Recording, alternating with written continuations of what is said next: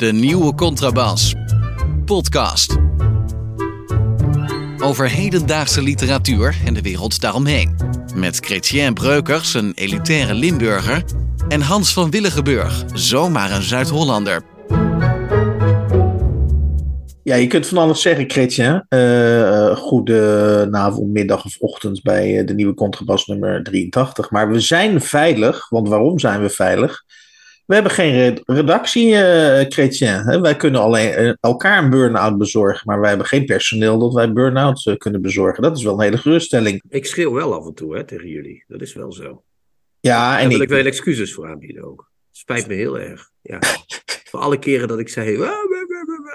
Sorry, jongens. Het is, maar we moeten niet de hele contrabas terugplooien tot één driftbij. Kunnen we niet doen. Kunnen we niet Nee, doen. dat vind ik ook niet. Dan lijkt het net alsof, hè? Ja, ik citeer hier Matthijs van Nieuwkerk zelf. Ja. Maar eh, ja, we hebben geen redactie, nee. En we hoeven ook niet eh, elkaar een burn-out te bezorgen. Nee, dat is goed. Maar wat vind jij nou van die kwestie, Hans? Vind jij daar iets van? Nou, dat gaat, ik, ik, ik voorspel één ding, want ik, mijn mening daarover die ga ik even laten lopen. Want ja, daar, daar heeft iedereen op Twitter op dit moment een mening over. Maar mijn voorspelling is dat het heel snel gaat overwaaien. Gewoon. En dat Maar is ik, ik, ik las wel al op nu.nl dat hij die top 2000 quiz, wordt, die gaat dit jaar niet door. Wat ik op zich wel een goede zaak vind. Oké, dus, Maar ik kijk daar nooit naar, maar ik heb daar vroeger wel eens naar gekeken. Maar ja, maar dat is een programma wat ook al, geloof ik, meer dan twintig jaar loopt. Dus dat, is, dat, dat komt aan een natuur. Dat, hè, omdat, wij, wij zijn, dat komt aan een natuurlijk einde, wat mij Ja, betreft. maar is het niet zo dat het een beetje lijkt op de Prometheus kwestie? Toch?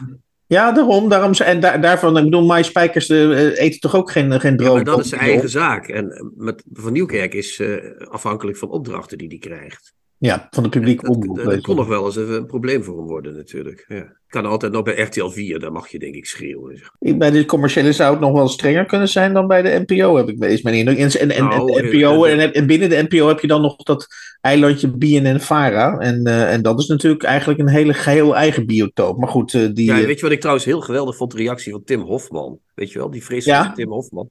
Die schreef, nou, ik heb er echt eh, gechoqueerd kennis Ja. van genomen. Maar de directie van BNN heeft me toege BNN Varen heeft me toegezegd dat het niet Ja. zal gebeuren. Dan denk ik, nee, het programma bestaat ook niet meer, Tim Hofman. Wat wil je nou? Dat is toch erg als je zo in het leven staat. En dan zou je bijna Ja. van Matthijs van Nieuwkerk worden. Maar goed, hier moet ik dan even voor Tim Hofman in de bres springen. Niet dat ik dat graag doe. Ik, ik zou graag mij volledig bij jou aansluiten. Hij bedoelt natuurlijk dat bij, bij een volgende eh, eh, eh, programma waar dergelijke klachten of dergelijke verschijnselen zich voordoen, dat de BNN-Vara-leiding hem heeft beloofd dat ze dan, in tegenstelling tot bij de Wereldwijd Door, zullen ingrijpen. Ja, nou ja, ik ben benieuwd. Ik denk dat die Tim Hofman zelf ook niet deugt. Maar goed, we gaan het zien over een paar jaar. Ja, we gaan het zo hebben over de Al Albert Verwij-lezing eh, van Christian Weitz, die de uh, afgelopen donderdag werd uitgesproken in het academiegebouw uh, van de Universiteit van Leiden. Het empathische complot. Um, maar daar, voor, voordat we het daarover gaan hebben, wil ik het eerst nog even kort over uh, misschien een heel heikel onderwerp, zelfvertrouwen hebben. Want wij hebben allebei een, een, nieuw boek uit, Kretje. jij hebt Hampelman net uitgebracht deze week. Nou, dat ik... komt volgende week uit. Dat kwam vandaag van de drukker eigenlijk. Ja, en ik heb een, een boek Zin in Dictatuur twee weken geleden gepresenteerd. En ik vroeg me af, um, sinds Marcel van Roosmalen, onze gewaardeerde, nou mogen we hem collega noemen, misschien is dat een beetje... Nee, zover, nee, we mogen nog niet nee. eens aan zijn lieve teentjes uh, zijn zoiets groots op de mat gelegd, zou hij zelf zeggen. Ja, ja, daar kunnen ja. wij niet aan, daar kunnen we nee, niet daar kunnen we niet aan tippen. Maar, maar desalniettemin heeft hij wel een soort standaard gezet, wat mij betreft, in, het, in, het, in, in de zelfpromotiesfeer. In de zin dat hij, ik denk al maanden, of, of misschien al, al en, en elke dag of en elke podcast wel, wel soms wel tientallen keren naar zijn eigen boek heeft verwezen. En dan denk ik bij mezelf, vergeleken met Marcel van Roosmalen, ook al zijn wij dan oneindig veel kleiner. Uh, ja, dat mogen wij toch ook wel eens een keer doen, Kritje? Dus een keer wel, Hans, maar dan mag jij beginnen. Als jij iets wil vertellen over je boek.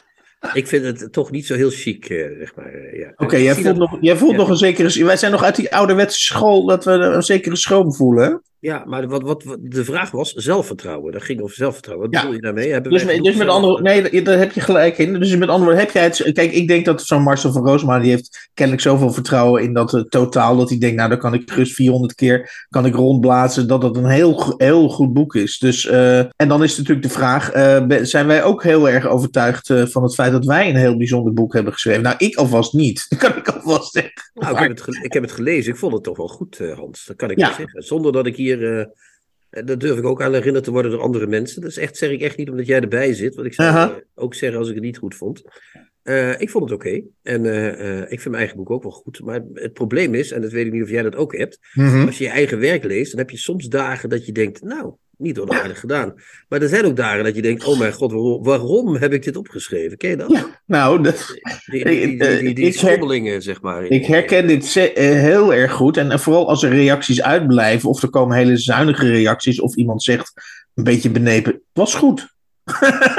dan, nee, dat, dan, zo? dat zo? En, en dan, en dan, uh, uh, ja, dan, dan gaat er een, komt er een gapend gat inderdaad van allerlei duistere emoties uh, op je af. Ehm, en ja, daar, daar ben ik. Maar goed, dan ben, en, en, maar van de tegengestelde is ook waar. Als er dan iemand iets positiefs twittert, zoals deze week Esther van Venema, die, het, die mijn boek prachtig vond, ja, dan, dan ben ik ook in één keer, ja, dat, zo werkt het natuurlijk ook, dan ben ik in één keer euforisch. Dan ga ik dat iedereen, sowieso ben ik dan ook zo opportunistisch, ben ik dan ook wel nog, twitter ik dat weer naar iedereen door. Ja, ik ben het nooit met Esther, of hoe heet ze, Esther Venema? Of van Esther van Venema, ja. Ben ik het bijna nooit eens, maar in dit geval zeg ik mensen, Esther van Venema heeft gelijk en koop het boek van Hans.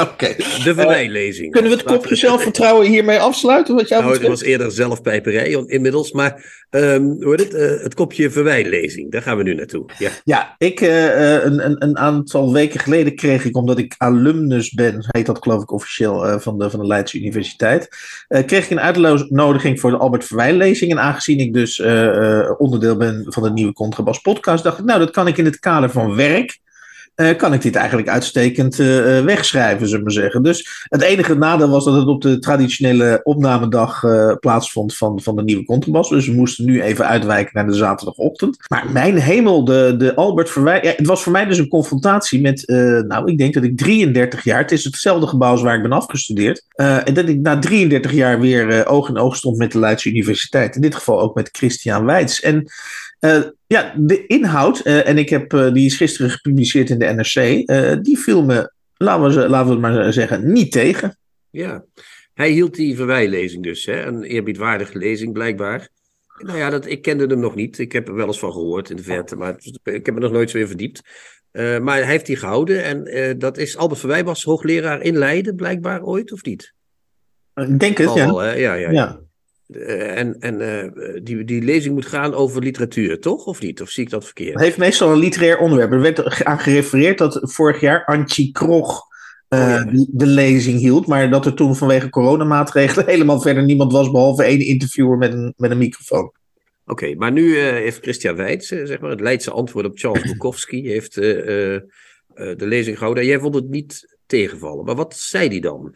Mij eens. Uh, ja, ja, ja uh, dank voor deze gelegenheid om, uh, om dat even kort uit te leggen. hij zette eigenlijk twee verschijnselen tegenover elkaar: het verschijnsel literatuur en het verschijnsel storytelling. En uh, zijn bewering, of uh, dat was in ieder geval voor mij zijn centrale punt. En hij, en hij, liet, uh, hij liet zien, of zijn aanname was, dat storytelling steeds meer invloed gaat. Dat is dus een Anglo-Saxisch verschijnsel, storytelling. Namelijk, net als is een beetje afkomstig denken uit Hollywood. Hè, je moet een film maken om mensen te, of, of te raken, of hun levens te veranderen. Of er moet, moet een prangende boodschap in vervat worden. En wat Christian Weitz' centrale stelling was, dat die storytelling steeds meer doordringt via marketing deels natuurlijk ook in de literatuur. En dat er nu ook aan literatuur eisen worden gesteld die nu traditioneel aan storytelling worden, uh, worden, worden uh, gesteld. Namelijk, uh, je leven moet erdoor veranderen.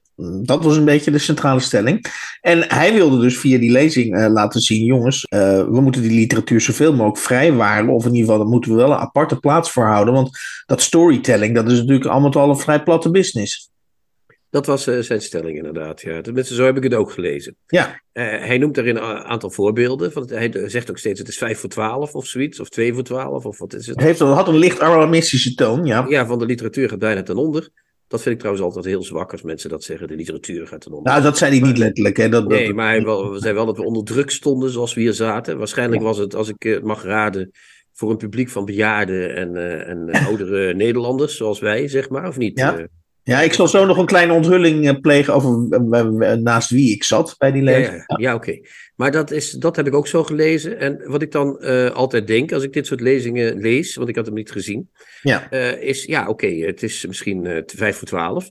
Maar Christian Weitz is recensent, die schrijft voor De Groene volgens mij en voor NRC soms. Een column in de NRC, dan denk ik, gebruikt die podia die je hebt dan ook om je voortdurend te verzetten tegen die uh, ontwikkelingen die je zo slecht vindt. Gebruik je eigen werk dan om je te verzetten. Ja. Uh, altijd dat gealarmeer en altijd maar van de literatuur is. Ah, dat doet hij dus. En jij zegt altijd, maar dat doet hij dus te, dus te weinig. Dat doet hij dus ja. volgens mij te weinig. Dat is een het is gratis boel roepen op een uh, chique lezing. En dan voor de rest ga je gewoon gezellig mee in de literatuurindustrie. Dat is een beetje wat Christian Weitz volgens mij is. Dus ik zie, als ik het zo lees, denk ik altijd: ja, je hebt wel gelijk, maar doe er wat aan. Dus ik word Nou er ja, niet dat- vrolijk van, van zo'n lezing, als ik eerlijk moet zijn.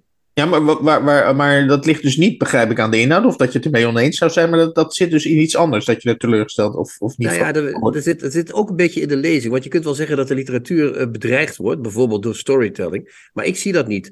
Ik lees zoveel goede boeken in een jaar dat ik denk, nou, die literatuur, dat staat er nog prima voor. Toch? Eh, Ik zie niet dat de literatuur echt onder bedreiging. Hij noemt een goed voorbeeld. Hij noemt een voorbeeld in zijn eigen lezing. Mhm. En dan noemt hij Ilja Pfeiffer als een goed voorbeeld van een schrijver. En dan denk ik, ja, als er één iemand is die de literatuur om zeep probeert te helpen, dan is het Ilja Pfeiffer. Ja. Dan, dan kun je dat toch niet eh, met droge ogen. Of hij zegt op het laatst dat hij de woorden van eh, Ton Anbeek eh, gebruikt om de op- en neergang, om de, om de schommelgang van de literatuur. eh. Ja, dat was Ton- natuurlijk een passage om de Leidse Universiteit tevreden te ja, maar. Ton Anbeek heeft echt hele slechte literatuurgeschiedenissen geschreven. Dus waarom moet je die als voorbeeld doen? Kijk dan, als je zegt dat er een alarm wordt geslagen, moet je niet met slechte voorbeelden komen. Mhm. Dus in zekere zin, ja, ik, ik vind het altijd gratis, dit soort eh, 5 voor 12 stukjes. Het is niet 5 voor 12. Er zijn heel veel mooie boeken. We hebben zelf in twee jaar tijd hartstikke veel mooie boeken besproken. Het, is, het ene goede boek eh, is nog niet uit of hup, daar is er weer een. Oké. Eh, De, de literatuur is niet zozeer dood. Als de literatuur zichzelf dood wil maken, dan moet je vooral meelopen in de literatuurindustrie. Dus dan moet je doen wat Christian Weitz nu doet. Dus hij, zelf, hij is zelf schuld aan de ontwikkeling die hij constateert. Eh, ik vind het een heldere analyse. Ik, ik nog even twee korte citaten uit, de- uit de lezing. Een lezing waar je dus inhoudelijk mee eens bent, maar je, je vindt zeg maar de context waarin eh, Christian eh, eh, dat doet, vind je dus eh, verregaand tekortschieten. Dat begrijp ik heel goed. Amoreel zijn is de moraal van de, van, de, van de roman. En de roman is per definitie onveilig. Nou ja, hij probeert hier natuurlijk eh, eh, die hele woke discussie ook binnen de literatuur eh, aan de orde, orde te stellen. Ja. En ik vind dat, en, en zeker in een gebouw waar dat schilderij van de Leidse Universiteit een paar dagen is weggehaald, vond ik dat wel, wel, wel fijn. Dan, oh dat mag ik niet zeggen, dan. Nee, maar goed, je hebt het nu gezegd. Oké, ik teken nu even een dikke streep door, door Dan. Eh, ik zat namelijk tijdens die lezing, dat is een, een klein, een klein een piepklein, eh, ja, eh, hoe zeg je dat? Dus Fediver. Dat, zo heet dat, geloof ik. Ik was, ik, was een van de, ik was heel vroeg, ik weet ook niet hoe dat kwam, eh, maar ik was een van de eerste die de zaal binnenkwam. En toen kwamen er dus twee mensen naast mij zitten. Die, eh, en dat waren Nicolien Misset en Ger Beukenkamp, be- bekend van een, van, een, van een, ik mag wel zeggen, groeiend, eh, van een groeiende briefwisseling die eh, zo af en Het toe... is, geen, het is geen briefwisseling, hè? het is een eenzijdige briefvuur. Oh ja, nee, ja, goed, oké, ja. Hij is- schrijft en hij schrijft niet terug. Dus dan is het geen briefwisseling. Nee. Nee, oké. dus, dus, eh, maar dat dijt dus uit, eh, eh, dat, dat oeuvre richting Ger, of, of die mails richting Ger Beukenkamp. Ik heb er eigenlijk verder niks over te melden, want we, behalve dan dat, ik, dat ze zich keurig naast mij zetten en keurig naar de lezing hebben zitten luisteren, viel me wel één ding op. En ja, ik weet eigenlijk niet waarom ik het zeg, maar het viel me gewoon op. De, ik denk, ja, misschien is dat leuk om. De, dat de hoest van Ger Beukenkamp. Ja, Dat is werkelijk- goed? Die is legendarisch. Hij wist met één, één klein hoesje, wist hij zeg maar die hele zaal in één keer te omvamen. Eh, eh, en het, het kwam van heel, heel, heel erg diep. Dus het enige wat ik erbij dacht is dat, zou dat nou ook indruk, hè, dus dat Ger Beukenkamp indruk maakt op Nicolie Misset, dat mag duidelijk zijn. Anders ga je niet iemand eh, duizenden e-mails sturen. Maar toen dacht ik, zou die hoest nou, zou die hoest nou onderdeel zijn van, van, van de magie van Ger Beukenkamp? Nou, denk, denkelijk wel. Want jij bent nu ook behoorlijk... eh, je hebt het ook behoorlijk te pakken van de Ger. Dat Ja, jij zegt dat ik het al weken te pakken heb zelfs. hè? Nee, ik bedoel dat je het van het Ger te pakken hebt. Ja, je bent ook al heel lang verkouden. Maar je hebt het ook... Jij, jij hebt, het viel jou ook op dat Ger dus een, een, een aanwezig hoesje heeft. Dus als hij dat al heeft... Stel je voor dat hij tegen je was gaan praten. Dan was je nu helemaal verliefd geweest, denk ik. eh, dan, was je nu, eh, dan had je nu Ger voor en Ger na. Dan was Ja. je waarschijnlijk faxen aan het sturen aan hem. Ja. eh, dan, ja. Goed, dan- nu we toch lekker met die Albert Verwij-lezing, dan gaan we afronden hoor. Want de, de, eh, maar nog even twee Fediver. Eh, nog, nog twee Fediver, want ik had er al één. Is één is dat ik mijn oude hoogleraar Jaap Goedegeburen tegenkwam. En, en, en eh, die, eh, ik, ik zag onze uitwisseling als een verkapte sollicitatie. En dat vond ik toch wel ja, misschien redeneer ik dit naar, naar onszelf toe. Ik zag zijn interpellatie als een, uh, een verkapte poging om in de nieuwe Contrabas podcast een keer uh, te mogen verschijnen. Dus dat, dat, dat, dat telt hoor in de literaire wereld. Ja, Oké, maar ik hoef, ik hoef niet per se ja, op goede gebeuren te wel? Ik vind het echt een verschrikking. Dat is, een, dat is nu iets wat al 40 jaar door de Nederlandse letteren waard. En dat is dat ene suffe stukje naar het andere. En dat moet, wat moet, waarom precies eigenlijk? Hoe, hoe, kwam je bij het idee dat hij dat wilde? Wat zei hij dan? Nou, hij, hij, wil, hij zei: Kan ik je e-mailadres krijgen? Want ik wil graag een stuk opsturen naar je. Wat ik onlangs in de Holland, Hollands Maanblad uh, heb geschreven. En, uh, ja, dat staat ook nog blijkbaar. ja, ik kennelijk vind hij het belangrijk dat ik dat lees. Uh, heb je het al gekregen of niet? Ik heb het al gekregen, ja. wat stond er allemaal in? Ja, dat heb ik. Ja, ik heb, ik heb, oh, een, druk, ik heb een druk bestaan, Kreetje. En dan had ik verder nog een kleine fediver. Uh, namelijk, ik kwam ook uh, bij die lezing. Want uh, ja, jij mag, jij mag daar grappen over maken. En dat vind ik ook leuk. namelijk dat er veelal witte bejaarden waren. Wat ik kan onderschrijven. maar een van die witte, nog niet zo bejaarde toeschouwers of aanwezigen was Ar Arjen van Velen. En die, die liep ik tegen het lijf. we kenden elkaar, want we komen elkaar wel eens tegen in Rotterdam. Waar hij op dit moment woont. En toen zei hij, ja, wie, eh, zei ik, ja, wie ben jij? Ik zeg, ja, ik ben Hans Willigenburg. Oh, zegt hij, jij bent die vrijdenker, zei hij toen. dus, dus je krijgt nu, een, als er een standbeeld van jou komt in Rotterdam, dan staat eronder vrijdenker. Ja, ik, ik, ik was oprecht, ja, nou ja, behalve dat het misschien lichtelijk vlijend is, maar ik vond het ook wel ontroerend. Dat, dat, dat je dus, dus als, je, als je een beetje dwarse stukjes schrijft, of in ieder geval stukjes waarvan mensen zien dat je het niet het nagepend van de hoofdredactie, dat je dan bij die nieuwe generatie, die, bij die millennials, ben je dan een vrijdenker. Ja, ja, zou dat nou positief of negatief bedoeld zijn, vraag ik me dan meteen af. Nou, we gingen het, ik, ik, was er inderdaad enigszins verbolgen door, door, door, door die typering. Uh, en daarna kregen we het onmiddellijk over uh, ja, zeg maar die, die, uh, al die mensen die journalistieke baantjes hebben of freelancen voor, voor de correspondent, voor de NSC, voor de Volkskrant. Die natuurlijk toch wel leven van, van, van veel freelance bijdragen. En, en, en dat, die, dat de verleiding om, om je boodschap en je journalistieke stukjes aan te passen aan de smaak van de hoofdredactie, omdat het toch wel een groot machtsverschil is. Uh, dat je dan dus inderdaad, uh, zoals ik dan in dit geval, omdat ik een ZZP'er ben die zijn eigen broek ophoudt en daarom niet verplicht is om een, naar een hoofdredactie toe te schrijven, dat je dan dus al, dat je dan dus al uh, een vrijdenker bent. Ja. Ja, het is wel, wel raar. Ik dacht vroeger dat er geen andere manier was om te denken dan vrij te denken. Maar dat is blijkbaar niet meer het geval. Heb ik iets gemist? Zeg. hey, je kunt ook zeggen, nou Hans, als jij, als jij zelfs vrijdenker wordt genoemd, dan is dat wel heel, in, dan is dat een heel inflatoire begrip geworden. Dat, nee, dat zei ik niet. Maar goed, nee, dat, dat, dat, dat, ik. dat, dat heeft u mij niet horen zeggen. Maar ik vind het inderdaad raar dat dat uh, blijkbaar iets is wat apart is geworden. Ja, dan zijn we toch... Dan is het misschien toch 5 voor 12, Hans. Je weet het niet. Ja, kijk, nu komt de aap uit de mouw. Ja. Tips van de week. Boeken, artikelen of pamfletten die boven het maaiveld uitsteken. Het eerste boek wat we gaan bespreken in tips is um, het boek Moeten we dit weten voor de toets? Vraagteken. Uh, met als ondertitel Hoe overleef ik het literatuuronderwijs? Vraagteken. Nog, uh, en het is geschreven door Koen Peppelenbos, de oprichter volgens mij, of de geestelijk vader van uh, de website, literaire website Zoom. want het mag geen Tsum zeggen, een Zoom nee, zijn. Zoom. Ja, en ook de oprichter van het tijdschrift ooit, hè? Wat er ooit ja, was. Ja, ja, ja dat, dat zouden we bijna vergeten. En voordat we dat boek gaan bespreken, wil ik er vast vooraf één opmerking over maken. Ik heb zelden, ik, sowieso heb ik vanuit mijn opleiding, ik weet niet hoe dat bij jou zit, uh, heb ik vanuit mijn uh, altijd, opleiding dus nogmaals geleerd dat je heel voorzichtig moet zijn om titels met een vraagteken uh, te beginnen. Want daar houden, schijnen mensen niet heel erg van te houden. Dus je kunt beter dan iets poneren. Maar dit heb ik helemaal nog nooit gezien. Dat namelijk en de titel van het boek, maar ook de ondertitel van het boek eindigt met een vraagteken.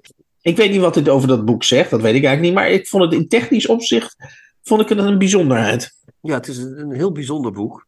In die zin dat je inderdaad met twee vragen begint. Dan denkt de lezer al gauw, nou, ik dacht dat de schrijver dat zou weten. Ja, precies. Maar, maar, het probleem is, en dat bedoel ik positief, dat de schrijver het ook niet weet. Want die begint zijn boek al met, al meer dan 30 jaar ben ik leraaropleider, schrijver, uitgever, recensent en interviewer. En je zou denken dat je dan iets weet van de literatuur.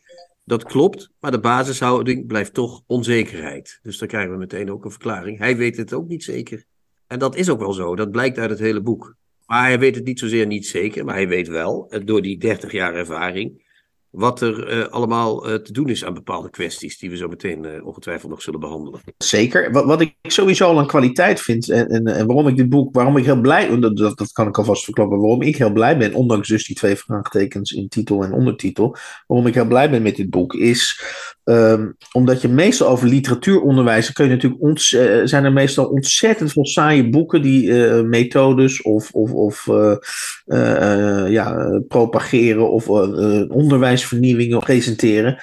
En dit boek, en dat vind ik dus heel mooi, eh, is een heel persoonlijk boek. Het gaat eigenlijk over Koen Peppelenbos in zekere zin. En pas in, in tweede instantie gaat het over literatuuronderwijs. Of in ieder geval gaat het allebei gelijk op.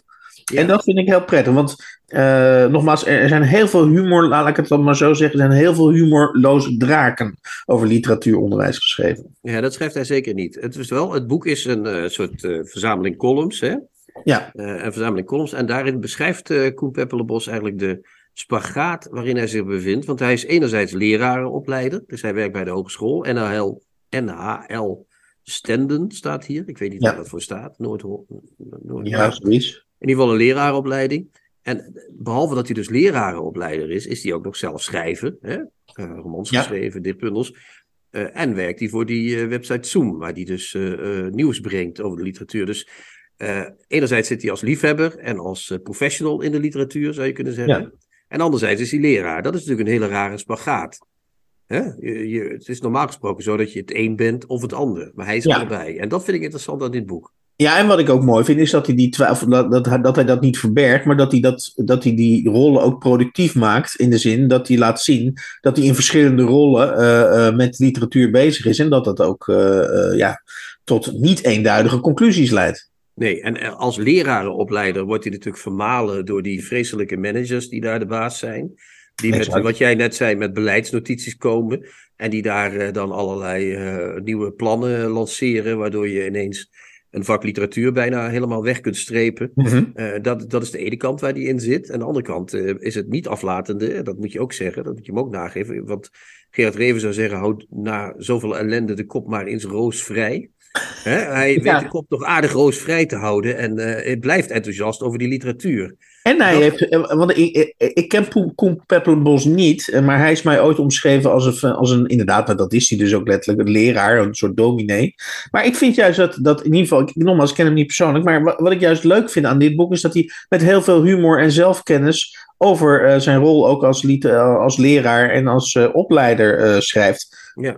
Ja, dat is ook zo. Ja, ja. Dat, is niet, dat heeft niks uh, domineesachtigs. Dat is nee, nee, juist niet. En dat, dat vind ik ja. ontzettend verfrissend. En een van de uh, voor mij eye-openers was in dit boek, was dat ik, ik heb zelf een tijdje geleden uh, voor HP de Tijd een groot verhaal over ontlezing geschreven. En daar haalde ik een PISA-onderzoek aan. Uit, inderdaad, uit, volgens mij was het hetzelfde PISA-onderzoek wat Koen Peppelenbos aanhaalt, namelijk uit 2018. En daar zijn dus allerlei zwaarwegende politieke consequenties aan verbonden, namelijk dat het uh, dramatisch gesteld zou zijn met het leesniveau uh, in Nederland. En Koen Peppelenbos heeft dat dus, en dat is dan weer zijn, weer zijn uh, vasthoudendheid, die heeft dat hele rapport gelezen en die zegt nou, op grond van die en die passages kun je eraan twijfelen of Nederland wel echt zover achteraan, achteraan loopt. En is dat onderzoek, dat PISA-onderzoek, niet misbruikt om één, heel veel subsidie binnen, binnen te trekken uh, uh, binnen Nederland. En uh, om het. En, en, wordt die subsidie wel goed gebruikt? Wordt die wel, ja, en, en, en, en, om dat alarmisme uh, aan te jagen. Dus met andere woorden, en ik, ik heb uh, tot mijn, tot mijn uh, schaamte is een groot woord, maar heb ik dat PISA-onderzoek natuurlijk ook in dat stuk deels op die manier gebruikt. Dus hij, hij, hij, is heel, hij is humoristisch, maar hij is ook echt onafhankelijk. hij is dus, je zou, Arjen van Velen zou, zou zomaar kunnen zeggen dat Koen Peppelenbos ook een vrijdenker is. Ja, ja maar dat komt natuurlijk omdat Koen die baan heeft op die ho hogeschool. En uh, ja. kijk, zo'n baan, uh, daar kun je het wel volhouden. En ik denk dat je daar ook af en toe wel eens kunt zeggen van wat, wat maken die managers uh, me nou weer? Hè? Dat je daar niet meteen, als je tegen de hoofdredactie van de correspondent zit te mopperen, krijg je geen opdracht. Exact. Maar als je op een school een keer zegt dat het allemaal minder is dan vroeger, dan, dan hoort dat eigenlijk meer bij de folklore op zo'n op zo'n opleiding. Dus hij heeft in die zin onafhankelijkheid dat hij die baan heeft. En daarmee kan hij dus zeggen wat hij wil. En dat vind ik echt ja, daar, daar kunnen we hem niet genoeg voor prijzen. Het is een boek waarin. Uh, kijk, waarin ik, waar, waar, wat ik van dit boek heb onthouden is dat het lijkt me verschrikkelijk om leraar, lerarenopleider te zijn. elke keer krijg je weer zo'n hele stroom, soms idealistische jongeren. Die moet je dan vertellen, en zus en zo. En als je op school komt, dan wordt er allemaal, komt er allemaal niks van. En die mensen die. We hebben er ook zo een uh, toen eens in de uitzending gehad. Matthijs Lips of zo heet hij. Ja, Matthijs Lips, ja. Die, die dan ook zegt: Als er één is die gaat lezen, ben ik blij. Dan denk ik: Al die energie, weet je wel, dat gaat Mhm. alsmaar weer verloren. Al, maar ja, er gaat zoveel energie verloren, Hans. Dus op zich eh, is dat wel mooi. Maar dat Koen dan ook nog de energie heeft om daarnaast eh, eh, in de literatuur te werken. Ja, dat, dat, dat moet toch wel heel veel liefde zijn die daarachter achter zit. Ja, ik vond het heel mooi en een liefde, ook zeker liefdevol boekje. En dan helemaal, dat is wel misschien een beetje domineesachtig. Hij eindigt wel met, ook met een soort moraal. Dat is natuurlijk wel. eh, eh, en, dat is, eh, en die moraal vind ik op zich ook weer heel. zi- Want je, moraal klinkt donker en klinkt belerend. Maar dat is bij, gelukkig bij Koen Peppelenbos niet het geval. Hij laat zien hoe, niet, hoe, ja, eh, hoe alles gedoemd is te verdwijnen. En hoe een leraarschap van 40 jaar zomaar eh, in, in, in, eh, in, in, in vijf minuten om kan vallen. Want dan, dan ruim je uiteindelijk het, het, het, de, stapel boekjes op wat 40 jaar gebruikt is. En dan, en dan eh, kom je nog één keer op een begrafenis nadat diegene drie jaar met pensioen is eh, gegaan. En dan, ja, dat was het dan, weet je wel. Dus, Ja. dus hij, hij, relatief, hij weet op een hele, vind ik, lichte en leuke manier dat hele, dat, die, dat hele bedrijf van literatuuronderwijs eh, onderuit te halen. Ja, dat klopt. Ja, want dat, dat- is wat hij beschrijft dat hij zelf toen hij begon, dat er nog allemaal schriftjes in de kast lagen van zijn voorganger. Ja, Weet je wel, en dat dacht hij nog wel eens handig om te bewaren. Dat hij na, na een paar jaar dacht er nog nooit. nee, hij dacht, nee, niet na een paar jaar. Hij dacht, hij zei, hij, dacht, hij kreeg van een voorganger kreeg hij uitgelegd hoe hij het beste eh, literatuur kon, literatuuronderwijs kon gaan geven. En eh, vervolgens eh, dacht hij na eh, tien minuten nadat die man de, de klaslokaal had verlaten, of vijf minuten, of, of misschien zelfs tijdens. Volgens mij suggereert hij al dat hij al tijdens dat die man uitlegt hoe hij literatuur moet, onderwijs moet gaan geven, dat hij al denkt, ik ga het heel anders doen. Ja, dat is de tragiek natuurlijk van het leraar zijn. Want is, we kunnen leraren, kijk, ik heb altijd gedacht, leraren zijn belachelijk. En dat zijn ze natuurlijk ook. Maar ja, je kunt ook eigenlijk alleen maar medelijden met ze hebben natuurlijk, die arme mensen. Eh, eh, maar, de- nou, met, met, Peppelenbos heb ik trouwens geen medelijden, want die weet zijn liefde wel aardig over te brengen. Maar het, het is die verloren energie eigenlijk. Als je vraagt je wel na dit boek af, waarom doen we het allemaal? Heb jij dat niet Ja. een beetje? Nou, wij dat gaan ook wel. onder natuurlijk. Wij, wij, Ja. wij worden ook vergeten in vijf minuten dadelijk. Ja, maar wat ik mooi vind aan het boek, tenminste dat is, van, dat is mijn eigen samenvatting van dit boek, is er zitten evenveel redenen in dit boek om hoop te hebben voor, of hoop te hebben voor de literatuuronderwijs, maar ook evenveel redenen om, om te denken, dat gaan we niet meer doen, daar moeten we, daar moeten we mee ophouden. Ja, ja, ja. Oké, we gaan over naar het tweede boek. En dan gaan we van een leraar, eh Koen Peppelenbos, over naar de ultieme leraar, hoofdletters, eh, Louis van Gaal. Leraar dan dat gaat het niet worden, Hans. Toch? Of wel? Er is een boek over hem uitgekomen. Ja, en geschreven door wie? Door Willem Vissers, onze Limburgse sentimentele Volkskrant eh goof. Ja, toch? Hij schijnt inderdaad, nee, ik, ik volg Willem Vissers in de Volkskrant redelijk. En hij kan inderdaad, eh, hij, hij, hij geldt binnen het métier als bloemrijk. Dus eh, eh, Ja. waar, waar, andere, waar andere sportverslaggevers toch vooral uiteindelijk ook de uitslag mededelen, gaat Willem Vissers, die, gaat, die, die bedenkt daar hele, hele epossen, als dat een goed woord is, dat weet ik daar niet, omheen. Ja. Ja, En Willem Vissers is al heel lang dus verslaggever, voetbalverslaggever. En heeft zijn verslaggeversleven lang eh, Louis van Gaal gevolgd. En dat heeft hij nu neergelegd in een keuze uit al zijn stukken, met een aantal nieuwe erbij, eh, over Van Gaal. En dat heeft hij de prachtige titel Leven met Louis gegeven. Dan weet je het wel, Hans. Wat gebeurt er dan? Nou, Nou, zoals ik het boek ervaren heb, ik, ik, ik, bereidde me dus voor, ik bereidde me dus voor op, eh, op de lyrische Limburger Willem Vissers. Dus ik dacht, nou, daar zal wel heel veel eh, poëti- poëtisch taalgebruik in, in, in, in, in daar zal ik wel veel po- poëtisch taalgebruik in tegenkomen. Maar dat viel dus heel erg tegen. Dus eh, eh, ik, heb het idee dat eh Insight, dat is die succesvolle uitgeverij, in ieder geval in kwantitatieve zin succesvolle uitgeverij, dat die tegen Willem Vissers hebben gezegd, nou, en, en dat is natuurlijk commercieel helemaal niet zo'n rare strategie. Eh, alle, alle relevante dingen over Van Gaal, hè, dus al die toernooien waarin hij succesvol is geweest, al die clubs waar hij heeft eh, ge- gewerkt, nou ja, die, die onafvolgbare systemen die hij op die voetbalploeg heeft, eh, die moeten er allemaal in zitten, of die willen we er graag in hebben, zodat iedereen een beetje van er iets in vindt dat van zijn gaat, zijn of haar gading is. En dat heeft dus een, een beetje, een, wat mij betreft, zeker van een lyrische Limburger, een wat vlak boek opgeleverd. Dat klopt, ja. Want je want normaal gesproken, als Willem Vissers schrijft, en hij schrijft bijvoorbeeld over, eh, nou, bijvoorbeeld over Nouri, Dan begint hij eerst over de eenvoudige afkomst van Nouri. Eh, uit het Amsterdamse achterstandswijk, weet ik veel. En hoe hij zich langzaam via het voetbal heeft weten op. En dat dat, dat toch iets zegt over de maatschappij. En dat dat zo mooi is dat die mensen ook mee mogen doen. En hier laat hij bij Vergaal de kans bijvoorbeeld. Want Vergaal is zijn vader vroeg uh, verloren. Dat laat hij helemaal lopen. Hè? Dat wordt allemaal wel verteld. Maar rustig aan, rustig aan. Rustig. Dus het heeft een vlak boek opgeleverd, moet ik eerlijk zeggen. Dat je niettemin in één adem uitleest. En dat is ook gek, vind niet? Maar dat komt weer door de figuur van Gaal, waar je toch van denkt, gek genoeg, al hoor je die verhalen honderd keer, je wilt ze toch weer een keer. Uh, ja, je zou, je, zou, je zou het om kunnen draaien. Kun je, kun je, kun je eigenlijk een slecht beroep over Van Gaal uh, schrijven? Hè? Dus met andere woorden, uh, Van Gaal is van zichzelf zo kleurrijk en zo maf eigenlijk dat je moet het wel heel erg verkloten, wil je daar dan nog een saai boek over schrijven? Nou, nou, of andersom, dat zelfs een saai boek over Van Gaal, omdat het over Van Gaal gaat, altijd nog net iets boven de saaiheid uitgetild wordt. Zoiets is het in dit geval. En Van, ja. Gaal is ook, moet je als je het boek leest, hè, en je volgt het vanaf uh, zijn successen bij Ajax en dan bij, AZ, bij Barcelona, Nederlands elftal, AZ. Het waren niet allemaal successen, ja. maar, maar, maar er, waren, er, zaten toch aardig wat successen in, zoals Van Gaal -hmm. zelf zou zeggen.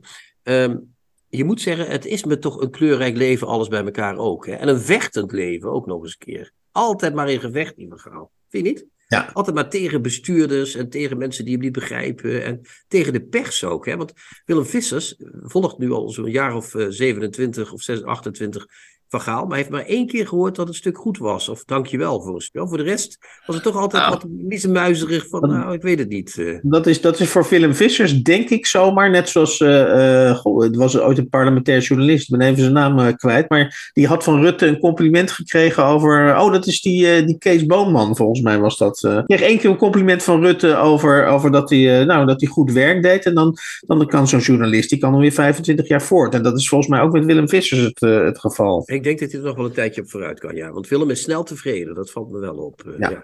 Wat uit dit boek blijkt, en dat wist ik dus niet, is dat uh, Van Gaal uh, in, bij zijn eerste baan, alle, een van zijn allereerste trainingsbetrekkingen, of zijn allereerste trainingsbetrekking, dat hij door AZ uh, is, is, is ontslagen. En niet, zoals hij later heeft gemeld, zelf weg is gegaan. Ja, want dat zegt hij ook in het boek. Louis van Gaal wordt niet ontslagen. Dat zegt ja, hij. Terwijl dat hoort waarschijnlijk ook bij het totale mensprincipe. Ja, dat denk ik wel. Maar hij is natuurlijk wel regelmatig. Bij Bayern bijvoorbeeld hebben ze weliswaar zijn contract niet verlengd. Maar waren wel heel blij dat hij op Sodemieten. Daar waren ze niet zo heel blij met hem. Ja. dat weet ik nog. In die, in die documentaire laatst over hem zag je ook Uli Heunes nog heel voorzichtig aan hem uitleggen. Dat hij misschien beter met hem wat meer had kunnen overleggen. Maar zelfs Zelfs achteraf kon Van Gaal daar nog niet helemaal mee in meegaan. Dat ik toch een beetje vreemd.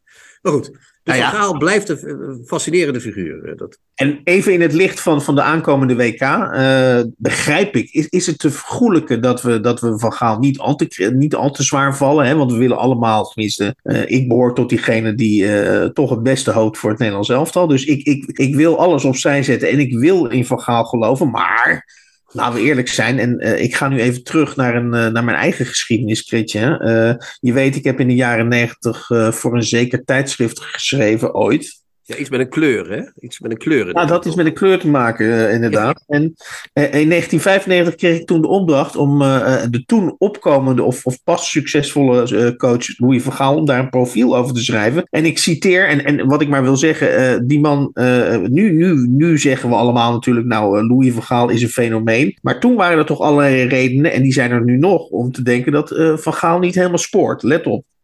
ik citeer je dus uit eigen werk. 1995. Terwijl de loodgieter het water nog moet aansluiten en tuinmannen nog bezig zijn het gras in te zaaien, loopt de Ajax-trainer met een kritische blik door het aanstaande huis van het gezin van Vossen. Peter van Vossen was toen net een nieuwe Ajax-aanwinst. De Zeeuw van Vossen dus drentelt als een schoolknaap achter zijn oefenmeester aan en geeft uitleg bij zijn bankstel, behang en eettafelkeuze. Onbewogen hoort Van Gaal de argumenten aan. Dan gebeurt het. De Ajax-trainer blijft rondhangen in de keuken. Zijn blik glijdt van de aanrecht via de keukenkastjes naar het groenterek en vice versa. Van Vossen voelt de bui al hangen. Dubbele punt. Van Gaal vond dat een witte keuken toch niet zo paste bij het meubilair. Hij is zo iemand die dat dan ook zegt. Ja, we hebben zijn raad toen maar opgevolgd en iets anders genomen. Fantastisch. Je ziet die arme Peter van Vossen. Misschien heeft hij het geld wel niet eens teruggekregen voor die witte keuken. het is verschrikkelijk. Maar eigenlijk doet Willem Vissers in het boek hetzelfde. Hij laat zich voortdurend ringeloren door uh, Louis van Gaal. Hè. Hij, hij, hij glibbert, van Gaal steeds weg. Hij probeert het goed te doen voor Van Gaal. Net zoals Van Gaal ook graag bevestiging wil, wil Willem Vissers ook bevestiging, maar hij krijgt het niet. Weet je wel? Hij is, eigenlijk is het een boek over een teleurstelling, zou je kunnen zeggen. Ja, ja, en om het toch nog een hele, misschien een nodeloos zware touch te geven. Ik vind Van Gaal, uh, en dan begrijp ik ook even terug op het eerste boek wat we besproken hebben. Ik ben bang dat Van Gaal, zeker in de jaren negentig, een inspiratiebron is geweest voor managers om zich te bemoeien met allerlei dingen. In dit geval dus van Gaal met keukenkastjes van een, uh, van een profvoetballer. En uh, in die zin ben ik dus heel erg, uh, ook ideologisch, tegen Louis van Gaal.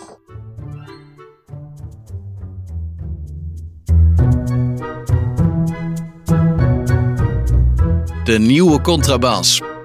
Podcast. In de uitzending hebben we Joep van Ruiten, uh, journalist, uh, cultuurjournalist bij het Dagblad van het Noorden. Uh, en beheerder van het weblog, de weblog, moet ik zeggen, Woest en Ledig. Sinds hoe lang, Joep? Sinds 19, 2008 of zo? nee, nee, eerder al, 2006. Ik weet eigenlijk niet wanneer dat fenomeen echt officieel is begonnen, maar ik, in 2006 stapte ik in. Oké, okay, en sinds die tijd heb je dat weblog Woest en Ledig. En nu is er een boek van jou verschenen bij Kleine Uil. En dat heet ook Woest en Ledig. Beschouwingen, verhalen en stukjes. Ja. Daarom ben je hier. Uh, ja. Dat boek is deels uh, uh, een weerslag van je blog. Hè? Dat, dat kan ik zo zeggen. Met wat andere stukken die je erbij hebt geschreven en gehaald. ik wil even terug naar dat begin van dat blog. Mag dat? Ja, zeker. jij was sinds, je bent uit, tot mijn ontzetting las ik in het boek dat je uit Zuid-Holland komt, eigenlijk. Is dat, uh, ja, als voor een Limburger is dat natuurlijk uh, de, de provincie van het kwaad. Dat, uh, ja, dat zeker, zeker. Ja, ja, ja. ja. Wij dat heeft ook veel gebracht. Ja. ja, maar jij komt dus, ik dacht namelijk altijd, ik kende jou al voordat je dat blog begon als cultuurjournalist van het Dagblad van het Noorden. Dus ik had jou heel erg als noordelijk geframed. Maar jij komt uit Zuid-Holland en bent pas later om te gaan werken naar het noorden gegaan. Dus voordat je naar dat blog begon, was je al cultuurjournalist van het Dagblad van het Noorden, toch? Of niet? Uh, ja, en, en daar, voordat ik in het noorden belandde, was ik ook al cultuurjournalist. Uh, maar dan in het midden van het land, op de Veluwe.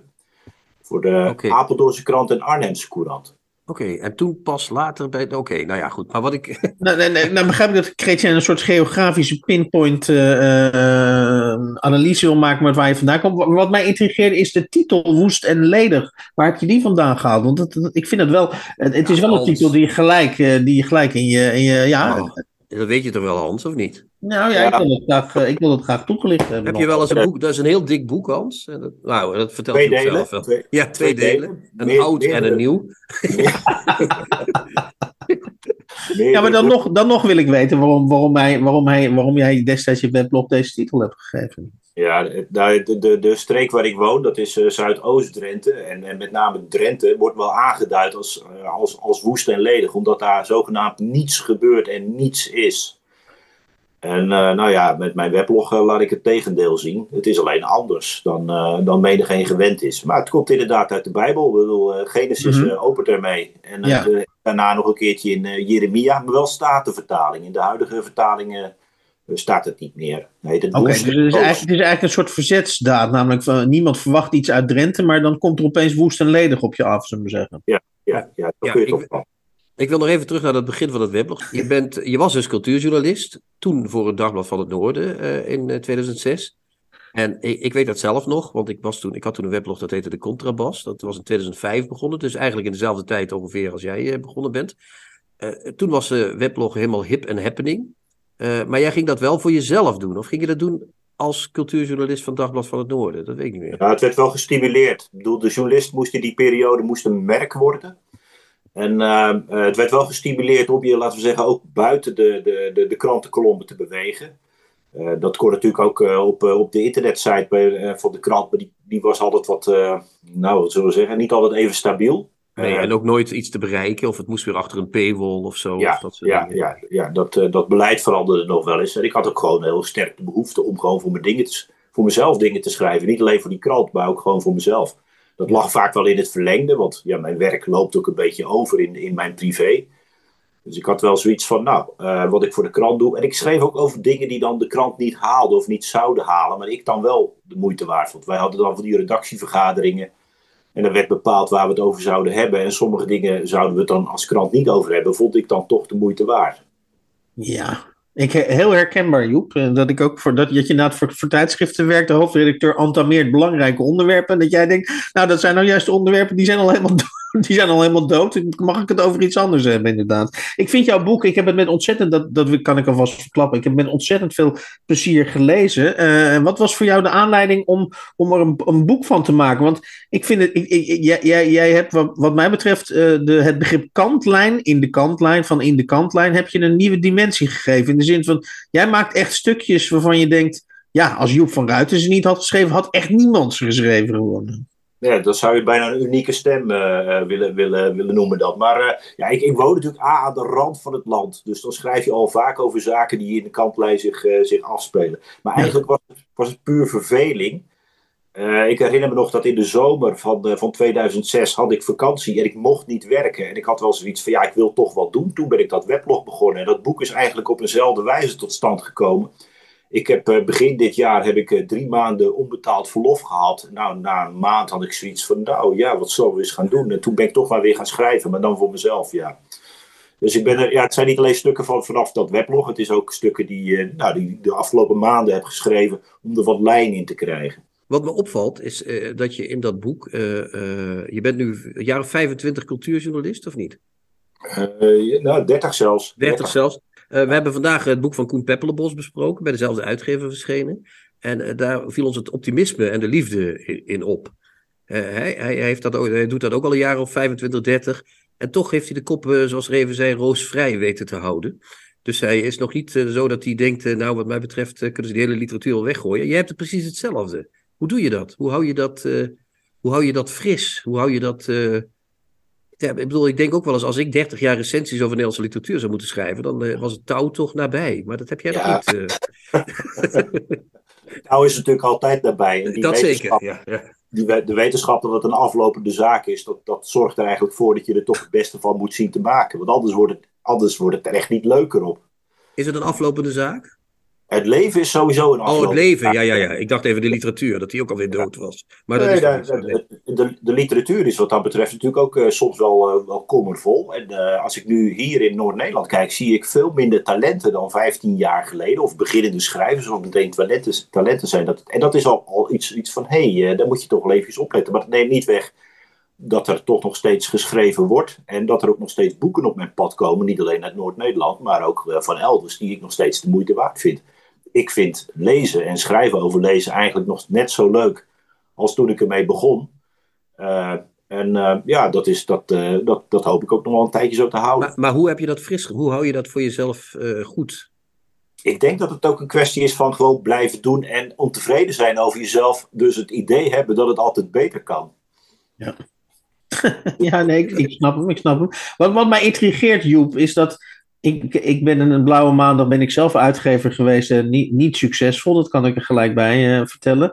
Maar dan, dan heb je toch vaak als uitgever de neiging om een boek, die, om een, boek een beetje uh, te, ook op een flattekst te kunnen samenvatten. Van hier gaat het over, maar hier gaat het vooral ook niet over. Hè? Dat, hè, met een moeilijk woord noemen ze dat tegenwoordig focus. Maar dan lees ik achterop jouw boek, uh, lees ik Naast niet eerder gepubliceerd werk bevat dit boek een keuze uit stukken die de afgelopen jaren zijn geschreven. Denk aan reportages, reflecties, beschouwingen, schetsjes, columns, autobiografieën, essays, te korte verhalen, berichten met en zonder point, een interview. Dat je denkt, ja, dat, dat je bij wijze van spreken, al, al draag je dit boek, en dat, dat doe ik, een warm hart toe, dat je denkt, ja, waar gaat het eigenlijk over? Ja, wil je nou dat ik zeg waar het over gaat? Ik bedoel, is het is een Dat is wel een slechte vraag. Is dat, ik, ik daag je op een uh, hele lange uh, omweg, via een hele lange omweg uit om inderdaad die vraag te beantwoorden. Ja. Uh, als ik, ik, kan, ik kan dat niet kort en bondig samenvatten, omdat ik dat eigenlijk niet weet. Ik denk dat er heel veel in zit. Er zit voor elk wat in. Hè? Ja, nou, dat is wel zo, ja. Dat maakt het ook wel eens. Het is een bonte potpourri, zoals, dat klinkt een beetje neerbij, maar dat bedoel ik helemaal. Bedoel ik positief. Nee, ik vind potpourri ook een heel mooi woord, ja. Nou, het is echt zo'n boek met stukken. Zo, ja, ik mag, we mogen nooit je, mag nooit je eigen boeken noemen, maar dit deed me een beetje aan de Zoon van Limburg denken, waar ik zelf ook losse stukken over mijn eigen afkomst uh, inzet, zette. Zal ik dan hier bekennen dat ik dat boek gelezen heb met veel plezier en dat dat waarschijnlijk is blijven hangen. Dus misschien wel een inspiratiebron heeft gediend. Dat zou best kunnen. Ja, zoals ze in uh, de film uh, Pulp Fiction zeggen: Gentlemen, let's not start sucking each other's dicks right yet. Even, ik, ik, begon, geef ik eerlijk toe. dus, uh, maar het is inderdaad zo'n soort boek. Je begint met je afkomst. je schrijft over je eerste werk, in, het, je eerste confrontatie met de wat Nurkse Noorderlingen die je daar op je pad trof. en dan langzaam hoe je daar went en aardt en wortelt. En, en je zegt ook uh, uh, dingen, nou ja, poëticale uitspraken doe je echt. Hè? Want je hebt ook een mooie brief aan Lise Spit geschreven. Waarin zij je vroeg om een bijdrage aan wat recensies kunnen doen en niet kunnen doen. En uh, daar wou ik even uit citeren en dan mag jij erop reageren. ja, Hans begint alweer ongeduldig te kijken. Nee, nee, nee. nee, nee ik ben te lang aan het woord. maar nee, nee, nee, nee, nee ik, vind, ja, ik ben er juist benieuwd. Recensenten, net als interviewers, behoren tot de eerste lezers op het pad van de publicerend schrijvers. Van publicerend schrijvers. Net als alle lezers hebben zij gedachten over wat ze hebben gelezen. Verschil met de meeste lezers is dat hun gedachten worden uitgesproken en luider klinken, omdat ze worden uitgesproken op een podium met microfoons en camera's. Verschil is dat schrijvers vanwege dat instrumentarium meer waarde aan de mening van recensenten toekennen dan aan die van de meeste lezers. Dus jij bent eigenlijk maar een gewone lezer, wil je daarmee zeggen? Of? Ja, ja dat, uh, ik, ik, word ook heel vaak geconfronteerd met mensen die zeggen: Ik heb geen verstand van, van kunst. En dan zeg ik van. Uh, iedereen heeft verstand van kunst, alleen de een kan het wat beter onder woorden brengen dan de ander. En dat geldt voor het lezen, geldt dat ook. Ik bedoel, ik, ik heb veel gelezen. Ik ben er natuurlijk professioneel mee bezig. Dus maar ik ben op de eerste plaats een lezer. Maar ik denk dat ik er wel wat van weet in de loop der jaren. En dat ik het ook onder woorden kan brengen. Dat lukt de ene keer beter uh, dan de andere keer. Maar ja, nee, dat, is, dat is het wel, ja. Maar schrijvers hechten die dan te veel waarde aan recensenten volgens jou? Uh, dat zal per. Dat, ik denk dat een succesvolle schrijver die alleen maar jubelende recensies krijgt, die kan niet genoeg waarde aan recensies. Uh, nee, nee, de, ja, ik weet het eigenlijk niet zo goed. Ik weet geen antwoord op deze vraag. Mag dat ook? Ja, natuurlijk. Mag ja, ook, ja, mag ook. ik, heb, ik heb nog wel aansluitend hier een vraag op. We, we hebben onlangs het voorrecht gehad om met Jeroen Vullings uh, een, een, interview te doen op een uh, literair festival. En die zei eigenlijk van ja, die, uh, de, de druk om uh, uh, positief te zijn en, om, alleen om, om aandacht te besteden aan boeken die, die je zelf ook goed vindt of waarvan je vindt dat ze waardevol zijn voor het publiek wat je eventueel leest, uh, leidt er dus toe dat je dus eigenlijk als recensent een goed nieuwsshow aan, aan het, steeds meer een goed nieuwsshow aan het regisseren bent, terwijl je een karakter van een recensent eigenlijk pas goed leert kennen door de boeken die die afkraakt. hoe kijk jij naar de één, onderken je die, die tendens en twee, hoe sta je daar zelf in? Ja, er zit, er zit zeker op, op, op het schrijven van de recensies over boeken zit een bepaalde druk. Op het moment dat je alleen maar recensies plaatst van boeken die niet de moeite waard zijn, ja, dan slaat de boel natuurlijk dood. Dus je moet een soort, soort ja, mix zien te krijgen tussen goede, goede boeken en slechte boeken. Nou ja, uh, dat proberen wij. Maar het speelt natuurlijk ook een beetje uh, mee dat je kunt, sommige schrijvers die schrijven gewoon ieder, iedere, ieder jaar een boek of iedere twee jaar een boek. En om dan iedere keer dat boek maar weer uh, uh, in de lucht te steken. Soms moet je daar ook een beetje in afwisselen. Ik ben ook blij dat ik af en toe kan grijpen naar het interview of naar een andere vorm om een boek onder de aandacht te brengen. Ook om te zorgen dat het niet alleen maar uh, hetzelfde, hetzelfde geluid is wat je vertegenwoordigt. Ja, als, je, als, je terug, als we weer teruggaan naar die brief aan Lise Spit die je schrijft. Daar zeg je dat je het smelt. En ik, ik, ik ben er niet, of hoe heet het? Het tweede boek van haar. Ja, het smelt. En ik ben er niet, ja. Ja, dat je die niet besproken hebt. Ja, klopt. Dus ja. dat betekent dat je uh, niet dat er dus bij Dagblad van het Noorden niet zoiets is van. Uh, er is een heel succesvol Vlaams debuut, dat moet nu besproken worden. Nee, niet per definitie. Nee, dus niet door de nieuwe Oek de Jong moet altijd besproken worden. Nee, de, nee. Okay.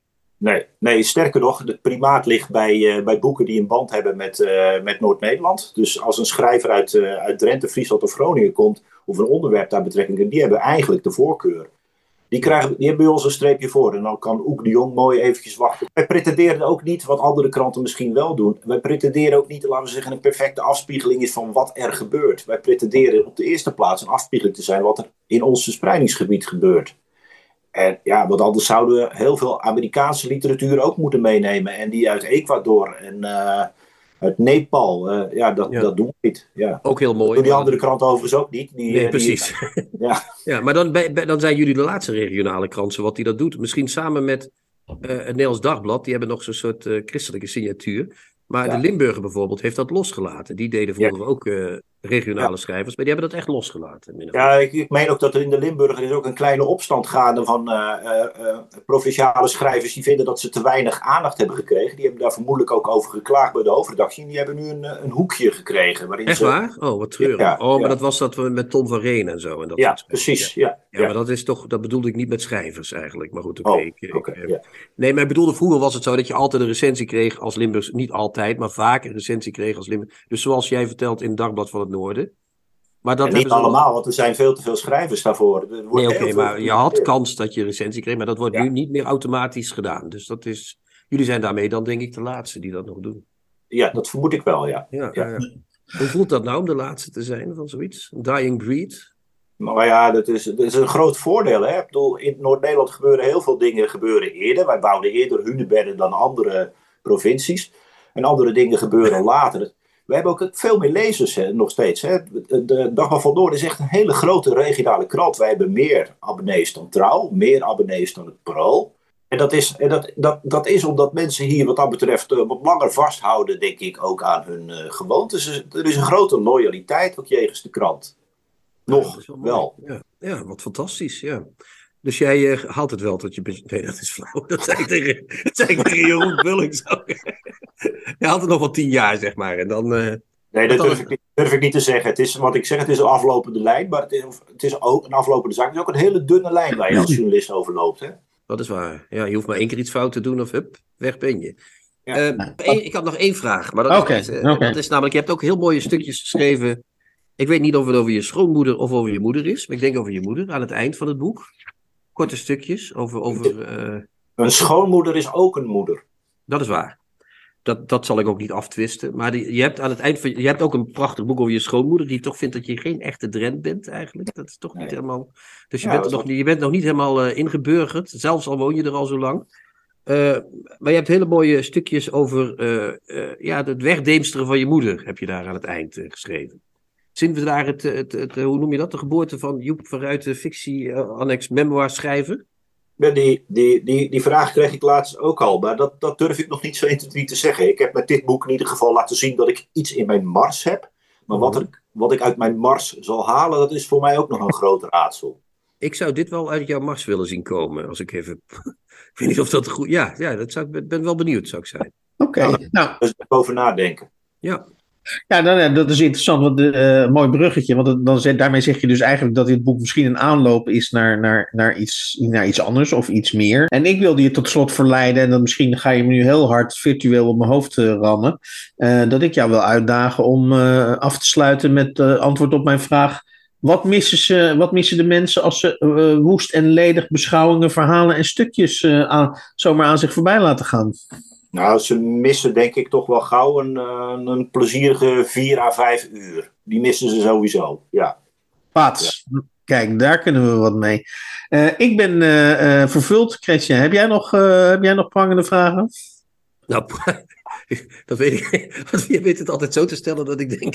Hadden we iets afgesproken van tevoren of zo? Maar dat was het niet. eh. Nee, ik, ik, eh, het is een, het, ik ben Ledig 2. Wil ik sowieso lezen, Joep. En eh, ik zou zeggen, laat, net zoals bij Koen, hè, die, die is eh, leraar en eh, schrijver. Ik zou zeggen, laat uit die recensent die schrijver eens naar voren. Kijken wat daar eh, mee komt. Maar dat klinkt weer Dankjewel. heel eh domineeachtig. Maar goed, zo bedoel ik het niet. Dankjewel voor de uitnodiging. Ja,